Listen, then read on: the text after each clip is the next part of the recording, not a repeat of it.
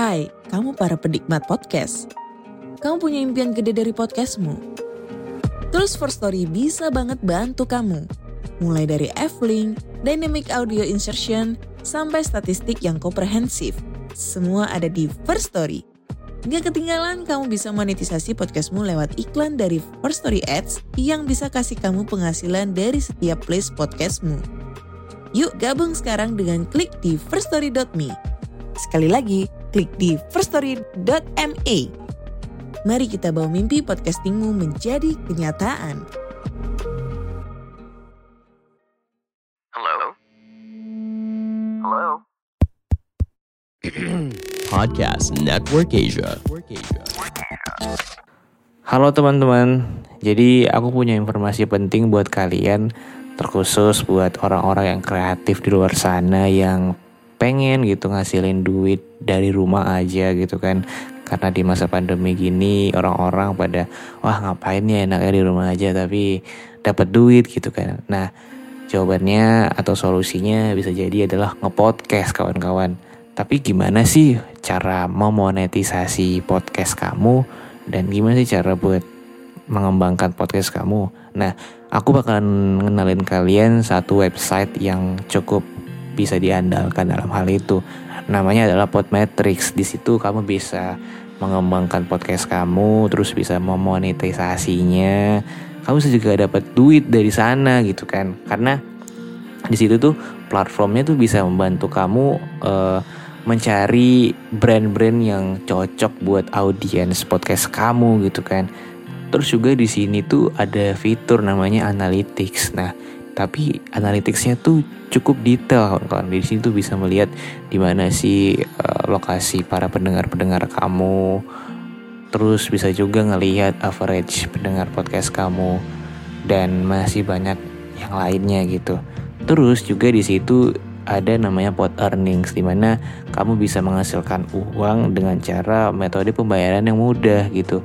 Kamu di Indonesia tanpa ribet gitu bisa langsung cair lewat rekening bank di Indonesia gitu. Jadi gampang banget. Jadi buat kamu para podcaster atau yang pengen mulai jadi podcaster, kamu bisa daftar Podmetrics melalui link referral yang aku kasih di deskripsi episode podcast aku yang ini. Oke, kalian bisa pakai di situ buat daftar Podmetrics. Oke teman-teman, itu aja. Selamat berkarya ya.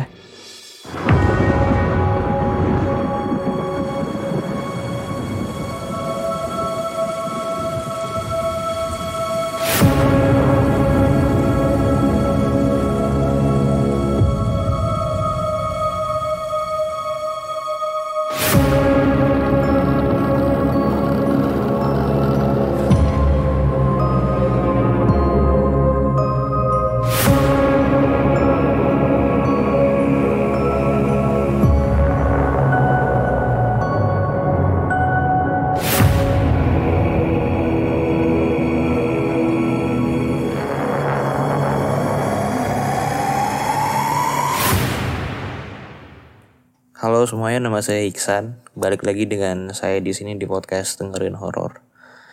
Di episode kali ini, saya bakalan melanjutkan tweet yang sebelumnya saya baca yang berjudul Apa Mungkin Asmara Masih Gentayangan.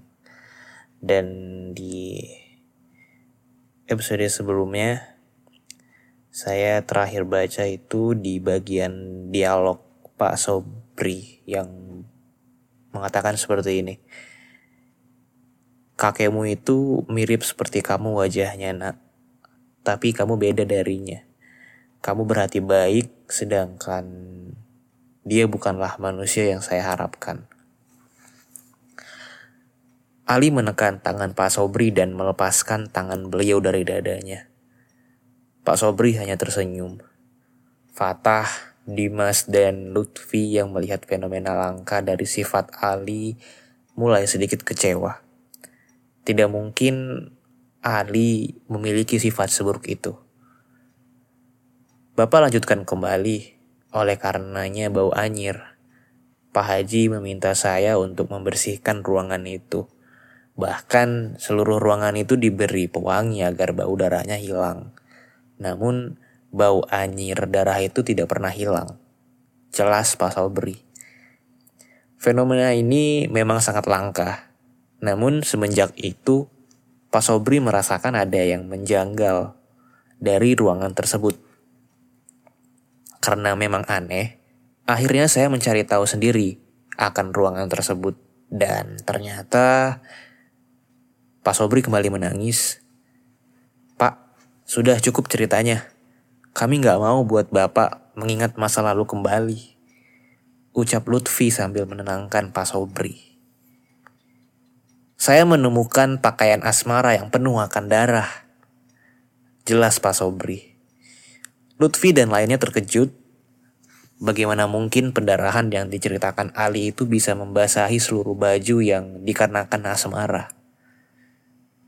Lalu pak, tanya Lutfi. Pak Sobri menatap Ali. Pak Haji telah menyuruh seseorang untuk membunuh Asmara. Ia tak mau melihat pembantunya berpacaran. Jelas Pak Sobri. Cukup pak, jangan bawa-bawa nama Eyang. Kesal Ali dengan nada meninggi. Ali pun kesal. Ia kemudian naik ke lantai dua menuju kamar. Li, lu mau ke mana? Tanya Dimas. Lu susul dia, mas. Pinta Fatah. Dimas pun menyusul Ali yang mungkin agak kesal setiap kali Pak Sobri menatap wajahnya. Lutfi pun kembali menganalisa apa yang barusan diucapkan oleh Pak Sobri dan juga Ali terkait kematian Asmara. Bapak yakin dari mana jika Asmara dibunuh? Tanya Lutfi. Setelah saya cari informasi mengenai keberadaan Asmara, beberapa keluarga sempat menyembunyikan masalah ini. Mereka menganggap Asmara meninggal karena bunuh diri, tapi saat 40 hari kematiannya. Asmara meneror seluruh keluarga sekaligus saya sendiri. Jelas Pak Sobri. Meneror untuk balas dendam? Tanya Lutfi. Benar. Asmara meneror kita semua karena ingin menuntut kematiannya. Semenjak saat itu, rumah ini ditinggalkan dan diwariskan secara turun-menurun. Dan orang yang memegang rumah ini adalah orang tua Ali sendiri. Ucap Pak Sobri. Lutfi mulai sedikit paham. Dia baru sadar bahwa Orang tuanya lah yang mendoktrin kepada Ali terhadap kematian Asmara sendiri. Namun, orang tua Ali tidak kuat. Rumah warisan ini tinggalkannya ditinggalkannya karena sosok Asmara masih berkentayangan. Ucap Pak Sobri. Sementara itu, Dimas mulai memasuki kamar. Ia melihat Ali sedang menghadap pojokan tembok sambil mengedor-gedorkan keningnya ke tembok. Sontak saja dari keningnya keluar darah segar secara perlahan. Ali, lu kenapa? Teriak Dimas yang mencoba menghening, menghentikan Ali. Namun saat Dimas ingin mendekat, ia kemudian didorong oleh Ali hingga terjatuh. Li, lu kenapa? Tanya Dimas. Ali membalikkan badannya, ia kemudian menangis dengan kepala yang sudah berdarah-darah. Mas, bantu gua, pinta Ali. Tubuh Ali langsung terpental ke tembok. Ali, teriak Dimas. Lutfi dan yang lainnya mendengar teriakan tersebut. Pak, Ali pak, ucap Fatah. Asmara, itu dia, dia hendak membunuh Ali. Ucap Pak Sobri. Akhirnya, mereka bertiga pun segera berlari menuju lantai dua untuk menyelamatkan Ali dan juga Dimas. Saat di kamar lantai dua, Ali pingsan di tempat. Dimas mulai ketakutan. Ia melihat bayangan hitam dari balik pintu. Tidak, jangan, pergi, teriak Dimas. Tiba-tiba lemari-lemari mulai bergeser. Dimas semakin ketakutan. Ia menutupi kepalanya dengan kedua tangan dan Dimas mulai dirasuki asmara. Saat yang bersamaan, Lutfi dan yang lainnya datang. Mereka bertiga terkejut saat melihat Dimas sedang menggigiti tangannya hingga berdarah. Dimas, lu kenapa? Teriak Lutfi sambil menahan mulut Dimas untuk terus menggigiti tangan. Pak, ini bagaimana pak? Teriak Lutfi. Lutfi! Teriak Fatah. Lutfi melihat kondisi Ali sudah terbujur kaku. Bersamaan dengan itu, Dimas langsung melemas. Ia terjatuh. Pak Sobri pun berlari ke arah ruangan pertemuan itu. Lu jaga mereka berdua. Gua mau samperin Pak Sobri, teriak Lutfi. Tapi woi, Lu mau ke mana? Jangan ninggalin gua. Teriak Fatah. Pak Sobri mulai memasuki ruangan demi ruangan. Ia pun sampai di, ru di ruangan pertemuan dan membuka ruangan tersebut dengan perasaan haru. Pak Sobri melihat seorang wanita sedang berdiri sambil menangis. Pak Sobri merasakan itu bukan sosok asmara, melainkan iblis yang merasukinya. Mati kalian semua, teriak sosok itu. Pak Sobri terpental hingga tubuhnya menghantam tembok. Darah segar keluar dari mulutnya. Lutfi mendengar suara dentuman dari sebuah ruangan. Ia pun mencari arah suara itu dan melihat ada sebuah ruangan terbuka lebar. Itu ruangannya. Saat di mana Lutfi mulai masuk, ia terkejut saat melihat Pak Sobri bercucuran darah dari mulutnya. Pak, Bapak kenapa? Tanya Lutfi. Itu bukan asmara. Itu adalah iblis suruhan yang menyerupai asmara. Ucap Pak Sobri. Terus, apa yang saya harus lakukan, Pak? Tanya Lutfi. Pak Sobri mengambil sebuah korek dari sakunya, ia kemudian berkata, Bakar bajunya, iblis itu akan hangus, ucap Pak Sabri. Di mana bajunya? Tanya Lutfi. Pak Sobri menunjukkan ke arah Guci. Seingatnya, baju itu berada di dalam Guci. Lutfi pun langsung berlari ke arah Guci, namun baru beberapa langkah, ia merasakan hawa merinding yang membuat tubuhnya sulit bergerak. Pak, tubuh saya pak, ucap Lutfi. Iblis yang merasuki asmara itu tengah berada di belakang Lutfi. Lutfi kemudian ingat akan perkataan gurunya. Ia harus tetap tenang dan menjaga hatinya agar tidak terpengaruh oleh kejahatan iblis. Lutfi membacakan ayat kursi dan dua ayat setelah ayat kursi. Lalu ia melanjut membaca surat An-Nas serta Al-Falak dalam hati. Dengan seketika, tubuhnya langsung terjatuh. Energi jahat itu langsung menghilang. Sosok iblis yang merasuki asmara sudah menghilang. Ali pun menggunakan kesempatan ini untuk memecahkan guci tersebut dan mengambil pakaian yang berada dalamnya. Pecahan guci itu membanjiri lantai. Lutfi langsung mengambil baju itu dan membakarnya.